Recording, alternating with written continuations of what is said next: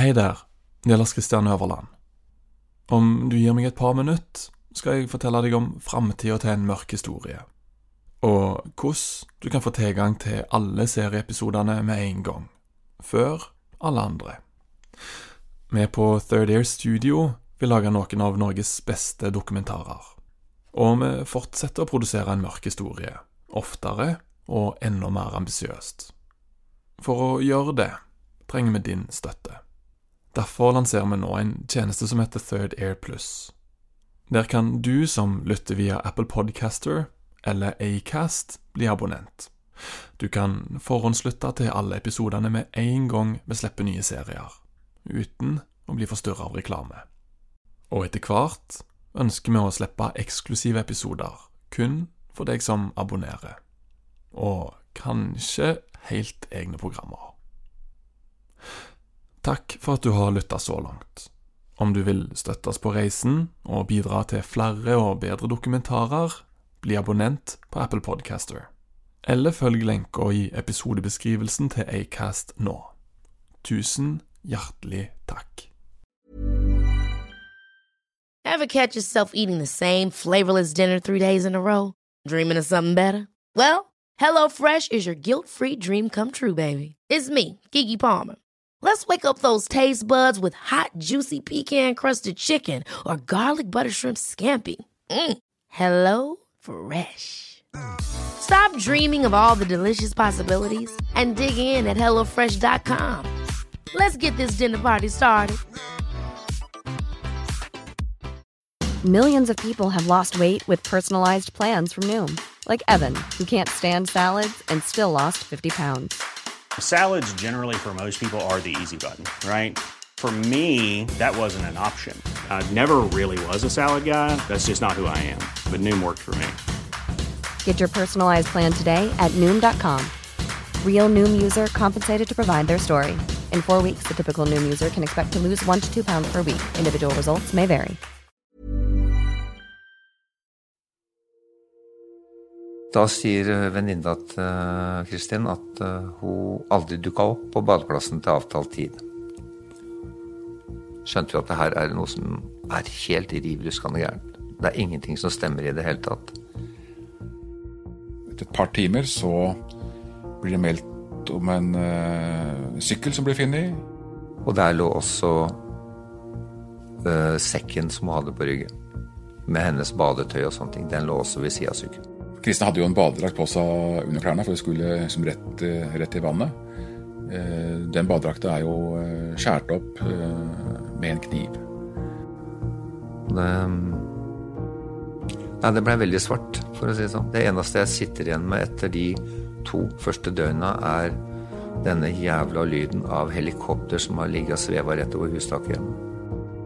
Det var jo sett en moped ved åstedet. Og husker jeg merka meg når jeg jobba på restaurant i Stavern, og når det liksom kom noen med sånt crossmoped utafor, og liksom menn i en viss alder så jeg må se hvem det her er, for det kan jo være han, liksom. Jeg må huske hvordan han ser ut. altså. Så sa jeg at uh, husk å se deg alt over skuldra, for en dag står jeg der. Du skal få like stor sjanse som du ga Kristin.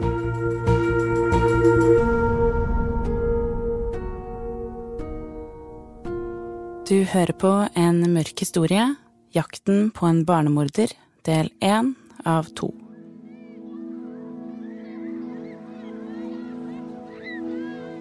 «1999. Det er sommer utenfor Larvik. Barna i området sykler på grusveier gjennom skogholt for å komme til de forskjellige vannene i området hvor de kan bade alle barn i Larvik gjør om sommeren. ikke sant? Alle drar jo ned og bader på stranda og i Farris og i de her, i de her innsjøene ikke sant, oppover. Roar Juel Johansen husker godt sommeren 1999. Altså Sommeren 99 det var jo egentlig en bra sommer. Bra vær, mye bading. Noe vi også holdt på med den dagen da som forandra livet vårt. Han sitter foran reporter Marte Rommetveit med armene stramt foldet over brystet. Så du følelser tydelig? Nei, det gjør jeg ikke. De prøver å holde for meg sjøl. Det har kanskje vært et problem i alle åra etterpå. Første som tok det opp, var egentlig Anne Lindmo her for tre år siden. For hun sa at du sitter bestandig med hendene i armene i krøss. Og det er liksom sånn mitt er mitt. Og det har ingen noe med. Du, sit, du, sitter jo med armene i kross nå? Eh, ja. Det er for å skjerme at uh, nå er jeg på min bane, og det er jeg som avgjør hva som jeg sier og gjør. Vi skal langt inn på Roars bane der hvor han bestemmer hva han sier og gjør. Nærmere bestemt 5. august 1999. Det er en torsdag. Det er den nest siste feriedagen min. Den yngste datteren til Roar, Kristin, er tolv år gammel, og som han kaller det, først til å bade. Så var det at hun skulle av gårde igjen og bade på nytt. Da skulle hun til Goksjø. Da sykla hun fra hjemme sånn ca. halv syv på kvelden. Og aleine, ja. Ja, ja, ja. Det er ikke noe problem. Det skal ikke være noe problem å sykle aleine. Selv om det er vanlig å sykle aleine, ligner det ikke Kristin å komme for sent. Når hun ikke har kommet hjem i halv åtte-tiden, begynner familien å leite etter henne. Da sier venninna til eh, Kristin at eh, hun aldri dukka opp på badeplassen til avtalt tid. Det syns vi var merkelig rart der og da. Anne begynner å ringe rundt for å høre om Kristin har stoppa hos en eller annen underveis, men det er, ikke så mange hun kan eh, stoppe hos. Uh, så går jo jungeltelegrafen hjemme i bygda, så naboer begynner å leite langs veiene. Begynte omtrent ved mørk og, og begynte å leite, og naboer begynte å gå langs grøftekanten. Så ca. klokka ni på kvelden ringer jeg operasjonssentralen på nødnummeret og etterlyser henne som savna. Om kvelden onsdag 5. august 1990 sitter jeg, altså jeg og en kollega i en politipatrulje. Krimforfatter Jørn Lier Horst var en ung politibetjent i Larvik på slutten av 90-tallet. Denne kvelden er han på et oppdrag med en kollega på andre siden av byen. Litt over ni på kvelden så hører vi over sambandet en melding om en uh, jente som har blitt uh, meldt savna. Og så sitter vi og hører hvordan det blir organisert en leiteaksjon. Uh, men det er jo også et sted hvor alle kjenner alle. Hele bygda var omtrent ute. Etter et par timer så blir det meldt om en uh, sykkel som blir funnet. Så på kvelden så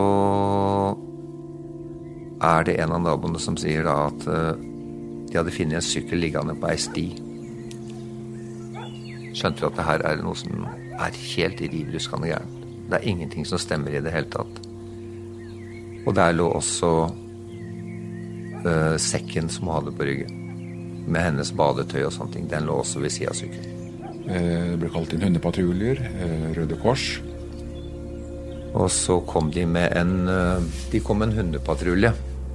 Og gikk inn ved sykkelen med, med hunden og sammen med Linda. Og så begynner hunden politihunden da, å gi litt markeringer.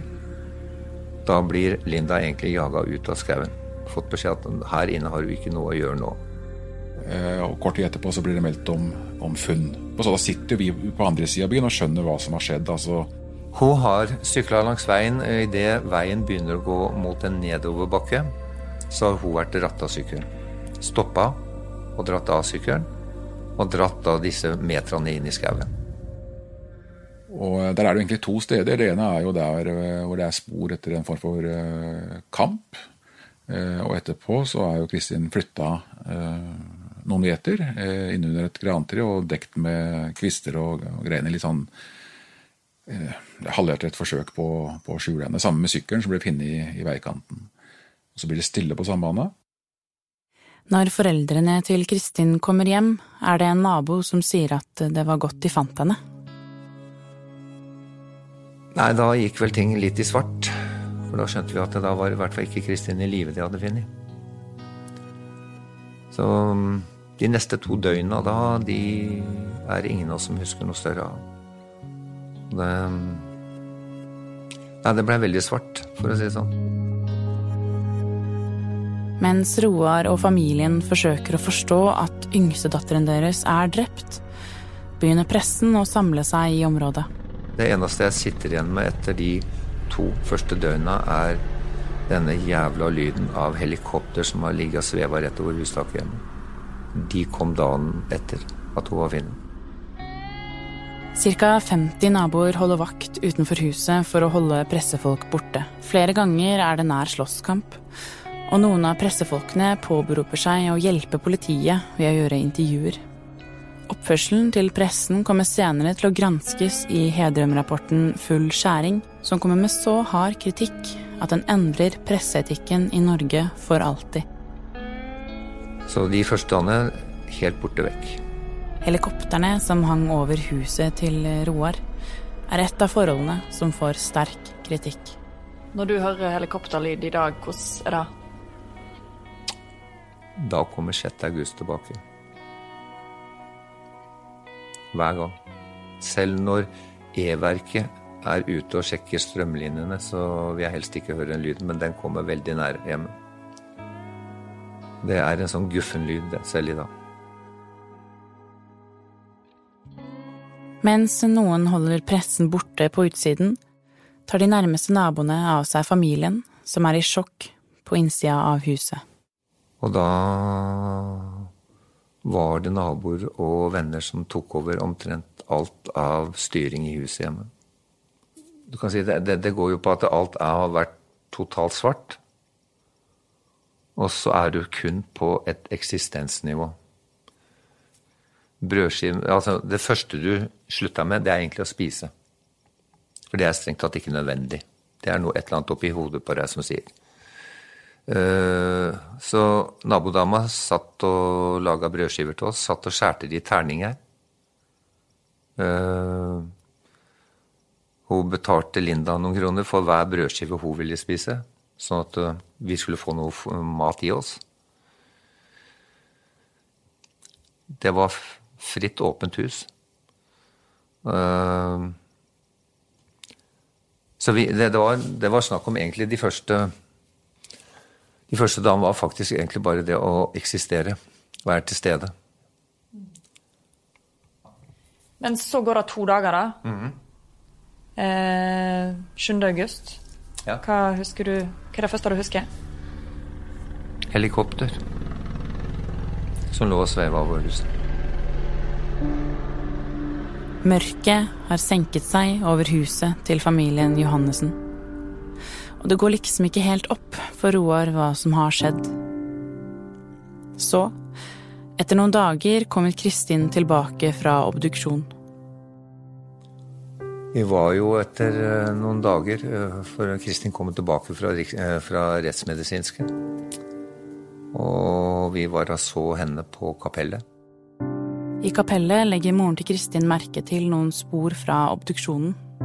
Det bemerka Anne at neglene hennes, som var lange og hvite, de var klept av.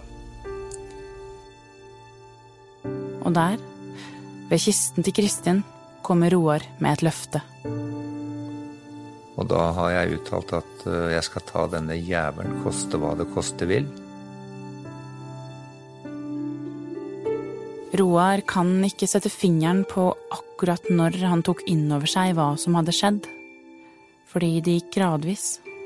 Men det er særlig én episode han husker godt. Og så fikk vi oss vel en midt i trynet den første skoledagen, hvor de skal avholde da en minnestund på skolen. Uh, og så ser du klassene kommer inn, setter seg ned på plassene. Sist inn er jo da Kristins klasse. De setter seg ned, og så er det én stol som står tom. Da får du en midt på trynet. Jeg vet ikke om det var så lurt å stille opp den dagen, men vi gjorde det. Og da våkner du enda mer opp. Mens familien til Kristin sakte, men sikkert begynner å våkne opp fra mørket, har det spredt seg en uro i lokalsamfunnet.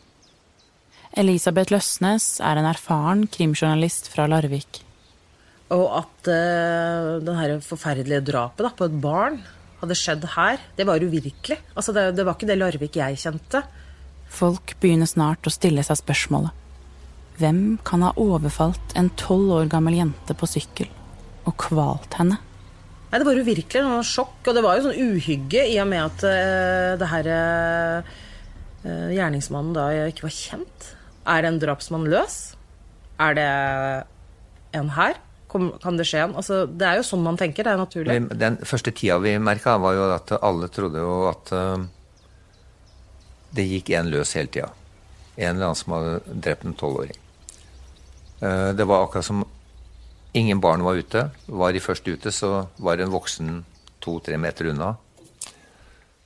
Sånn fra neste morgen eh, så gikk jeg inn i etterforskningsgruppa som skulle prøve å stille noen til ansvar for eh, drapet på Kristin. Jørn Lier Horst skal seinere bli etterforskningsleder og krimforfatter, men i 1999 er han en ganske nyutdanna politibetjent. Dette her var den første drapsetterforskninga som jeg var direkte eh, involvert i. Fram til det så hadde jeg de sakene som hadde vært, så hadde jeg si, bare stått på, på utsida av oss det, uh, utafor politisperringene. Så dette var den første saken jeg var med på. Uh, Kristin hadde jo en badedrakt på seg under klærne, for vi skulle liksom rett, rett i vannet. Den badedrakta er jo skåret opp med en kniv. Rettsobduksjonen kan ikke finne spor etter voldtekt men når badedrakten er kutta oppover skrittet, så er det vanskelig å se bort fra at overfallet var seksuelt motivert. Eh, utgangspunktet for en sånn etterforskning er jo observasjoner i nærheten av åstedet. Og det som var sett, var jo eh, en moped. Eh, flere vitneobservasjoner av en moped knytta til eh, åstedet. Mopeden, en svart og gul Suzuki TS, blir et av de første og viktigste sporene til politiet. Og husker jeg merka meg når jeg jobba på restaurant i Stavern, når det liksom kom noen med sånn crossmoped utafor, og liksom menn i en viss alder så Jeg må se hvem det her er, for det kan jo være han, liksom. Jeg husker hvordan han ser ut. Altså, det var på det nivået der. Snart går politiet ut med en tegning av mannen på moped som får tilnavnet Lågendalsmannen. Nei, Det var jo spesielt. da. Det kom en sånn tegning så man så liksom dette Dette tror man er eh, drapsmannen, eller denne mannen vil man ha kontakt med. Han har oppført seg mistenkelig. og Jeg slukte jo stoffet om at han hadde da plaga hun dama, eller skremt hun dama eh, på Lågendalsveien. Det var jo en veldig spesiell oppførsel.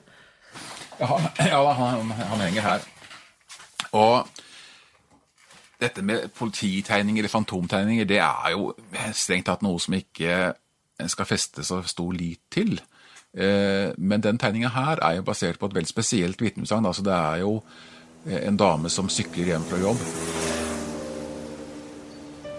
Vitne. Den eldre damen blir skremt av oppførselen til mopedisten. Han kjører fram og tilbake Many of us have those stubborn pounds that seem impossible to lose, no matter how good we eat or how hard we work out. My solution is PlushCare. PlushCare is a leading telehealth provider with doctors who are there for you day and night to partner with you in your weight loss journey. They can prescribe FDA-approved weight loss medications like Wagovi and Zepbound for those who qualify. Plus, they accept most insurance plans. To get started, visit plushcare.com slash weight loss. That's plushcare.com slash weight loss. Ever catch yourself eating the same flavorless dinner three days in a row? Dreaming of something better? Well, HelloFresh is your guilt-free dream come true, baby. It's me, Gigi Palmer. Let's wake up those taste buds with hot, juicy pecan-crusted chicken or garlic butter shrimp scampi. Mm. Hello Fresh. Stop dreaming of all the delicious possibilities and dig in at HelloFresh.com. Let's get this dinner party started. If you thought the only way to get a more defined jawline with natural looking results was through surgery, think again. Juvederm Volux XC is a non surgical injectable gel filler that improves moderate to severe loss of jawline definition and can help you achieve natural looking results with little downtime. Even better, this improved definition lasts up to one year with optimal treatment. No maintenance required. Improve jawline definition for a smooth, sculpted look with Juvederm Volux XC. For important safety information and to find a licensed specialist, visit juvederm.com. That's J U V E D E R M.com. Not for people with severe allergic reactions, allergies to lidocaine, or the proteins used in Juvederm. Common side effects include injection site redness, swelling, pain, tenderness, firmness, lumps, bumps, bruising, discoloration, or itching. There's a risk of unintentional injection into a blood vessel, which can cause vision abnormalities, blindness, stroke, temporary scabs, or scarring. Talk to a licensed specialist to find out if it's right for you. I'm Sandra, and I'm just the professional your small business was looking for. But you didn't hire me because you didn't use LinkedIn jobs. LinkedIn has professionals you can't find anywhere else, including those who aren't actively looking for a new job but might be open to the perfect role, like me. In a given month, over 70% of LinkedIn users don't visit other leading job sites. So if you're not looking on LinkedIn, you'll miss out on great candidates like Sandra. Start hiring professionals like a professional. Post your free job on linkedin.com slash achieve today. Mens hun sykler. Og tre ganger har han satt fra seg mopeden og kommet gående mot henne. Som blir eh, på en måte passa opp, da. Som blir eh, forsøkt stansa eh, langs veien eh, ni ganger til sammen. Så vi har jo ni møter hvor du ser denne mannen inn i øynene. Eh, og For hver gang så biter det altså merke til detaljer i hvordan han ser ut. Siste gang hun ser Lågendalsmannen, kjører han i retning drapsstedet. Eh, så den eh, velger jo politiet å gå ut med. Så fikk jo etter hvert, da når politiet holdt på med etterforskning, beskjed om at eh, ja, det har jo vært en eldre dame òg. En vokst, godt voksen dame som, han har, eh, som denne mopedisten har prøvd på tidligere. Der hadde han vel kanskje fått litt mer juling enn det ikke Kristin klarte å gi igjen. Politiet begynner et omfattende arbeid med å kartlegge mopeder og hvem av eierne som har vært i området. Og Så ble det jo en kartlegging av hvem som hadde vært i området, og da dukker denne 54-åringen opp. Ganske snart pågriper de en eldre mann som ikke ligner tegningen av Lågendalsmannen. Politiet går ut i mediene og sier at de er 110% sikre på at de har rett mann. Jeg har jo ingenting med avhørene han å gjøre, eller, eh, eller etterforskninga direkte mot han. Og han har jo ikke noe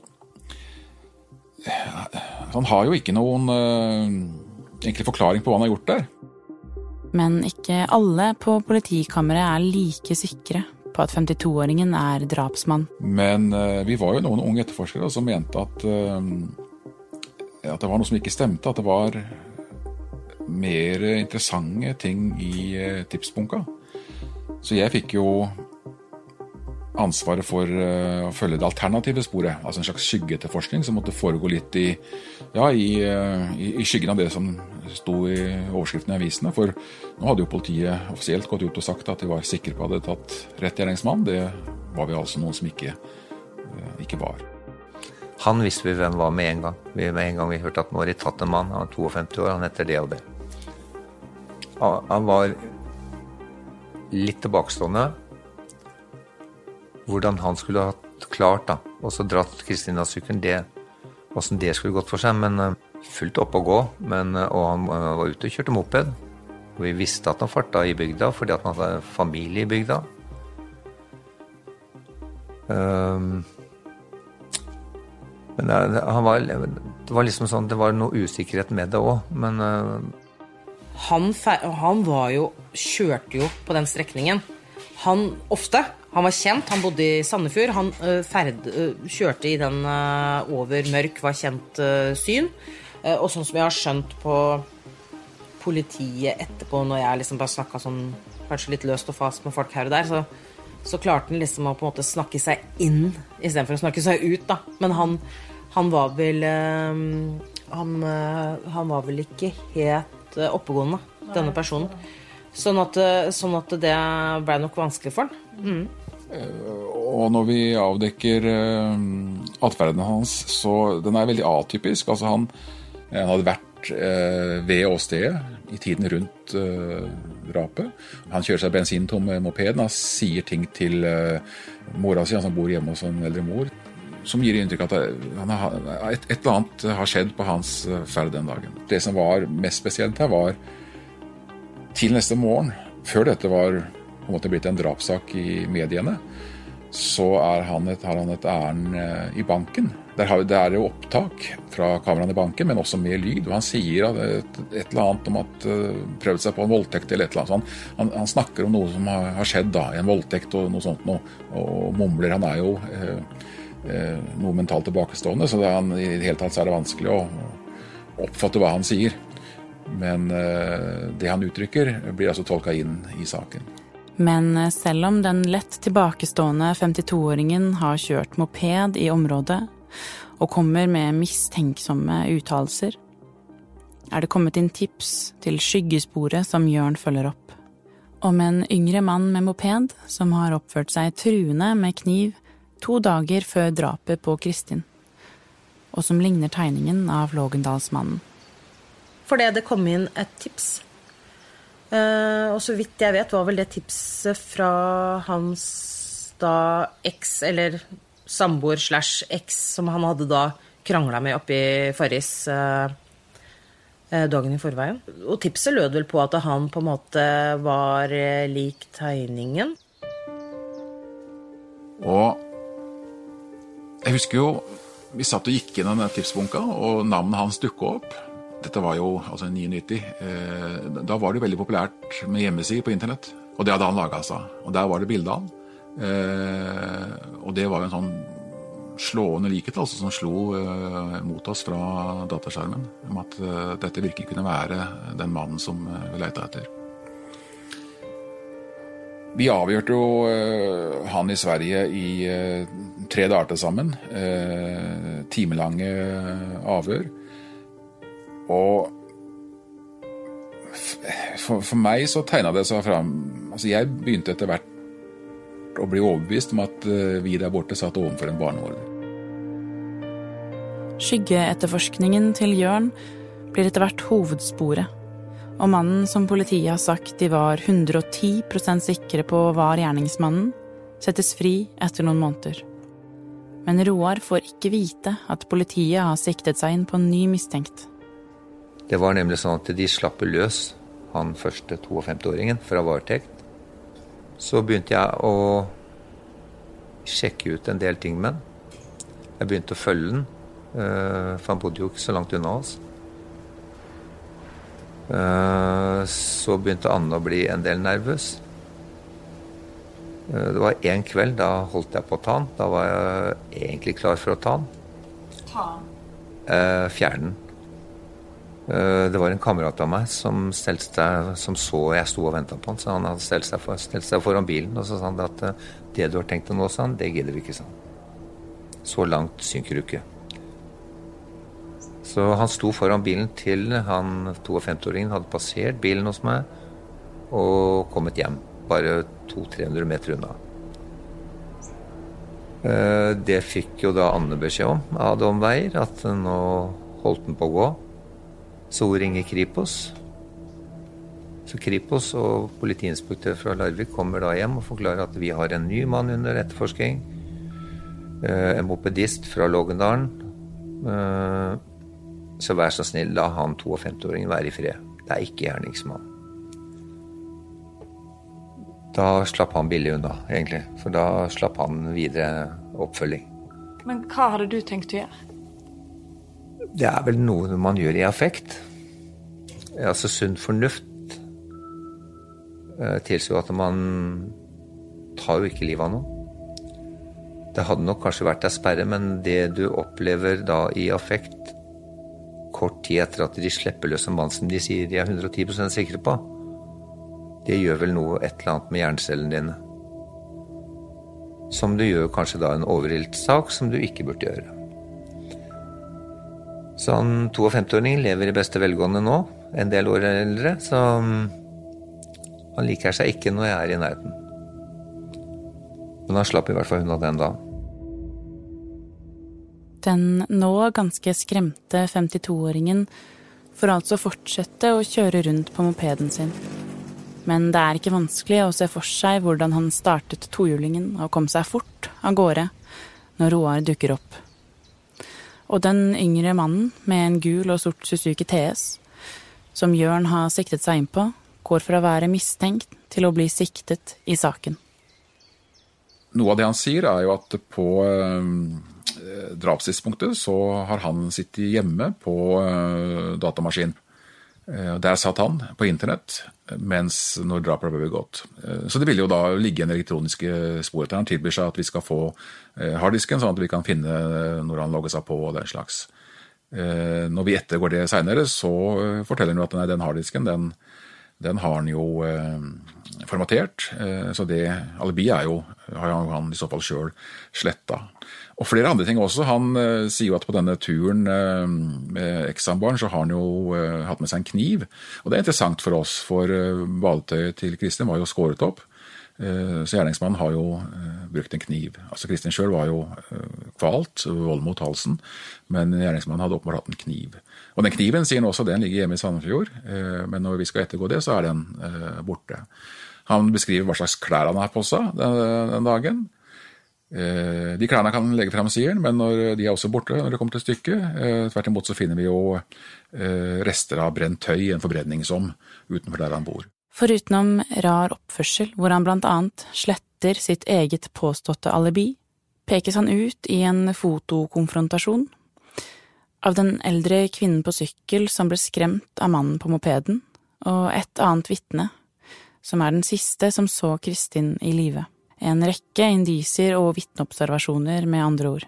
Men det harde beviset stammer fra selve drapsstedet. Toppen, eller kronen på denne indisiekjeden, det er jo et, eh, et hårstrå funnet på åstedet.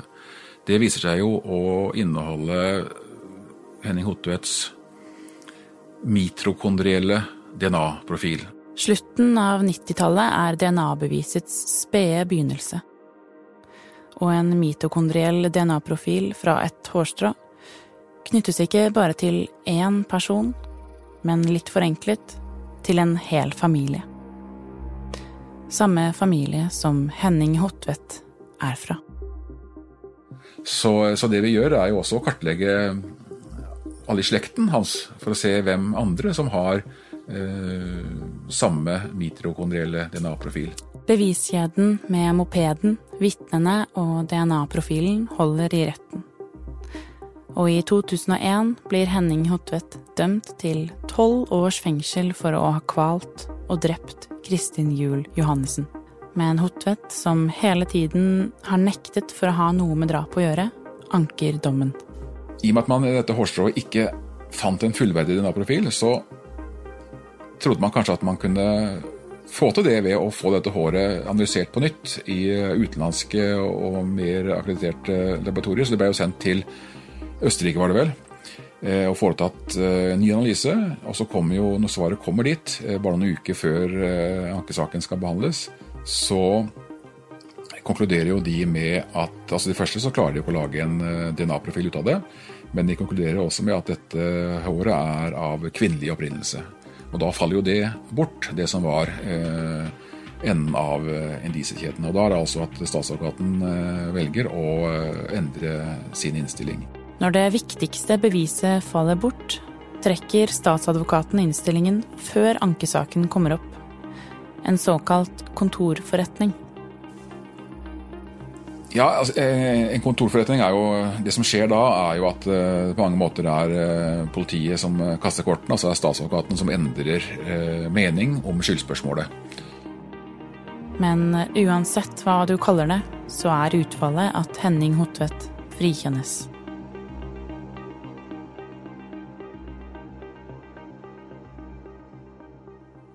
Altså, Du blir jo helt tom i huet for at liksom, nå, nå slipper de én mann til mann nummer to blir da sluppet løs.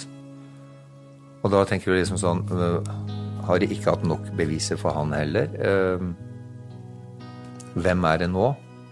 Hvem er rette mann nå? Altså, da er det to mann som er sikta for drap, slipper løs. Nå har vi en ukjent mann gående rundt i miljøet. Hva gjør det med deg når han blir frifunnet? Nei, Du blir helt eh, tom i huet og tung i kroppen. Liksom, hva nå? Hva skjer nå framover? Hva gjør politiet nå? Eh, det viste seg at de gjorde så svinnende lite.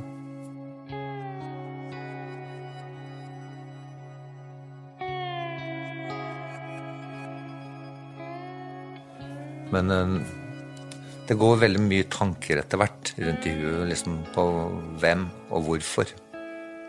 Og tross alt, det er, det er en unge der snakk om. Vi snakker om et barnedrap. Det er, ikke, det er ikke en godt voksen person som kan ta igjen. Jeg skjønte jo det på flere at de, de var helt uh, overbevist om at det var Henning Hotvedt. Jeg hadde jo Hotvedt stående bare noen meter unna meg på tribunen noen ganger. Hvor han står og hånflirer av det. Liksom at Jeg lurte på det deg og politiet, men um... Men at han var uh, untouchable. Man trengte noe nytt for å gå, gå, gå, etter han igjen. Og det hadde man ikke. Sånn som jeg har forstått det, så visste man ikke at neglene til Kristin lå der. Det visste man ikke. Der hvor systemet svikter, så reiser en rettskaffende mann seg. Og det syns jeg passa veldig godt uh, på Roar. Han her skal jeg ta inn bak lås og slå, bak gitter. Ja, det er jo et løfte han har gitt, da. Det er jo en forpliktelse han har tatt på seg. Og det er jo massivt, altså.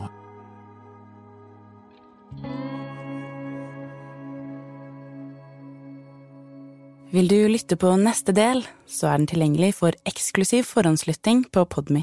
Gå inn på podmy.com slash en mørk historie og les mer. Du har hørt på En mørk historie, Jakten på en barnemorder, del én av to. En mørk historie er et program fra Just Stories. Jakten på en barnemorder ble produsert av Lars Christian Øverland og Marte Rommetveit ved Munch Studios, og innlest av meg, Ingrid Waaler. Lydlegging Elin Rosenberg. Ansvarlige produsenter er Carl Fritsjø og Joel Silberstein Hunt ved Just Stories.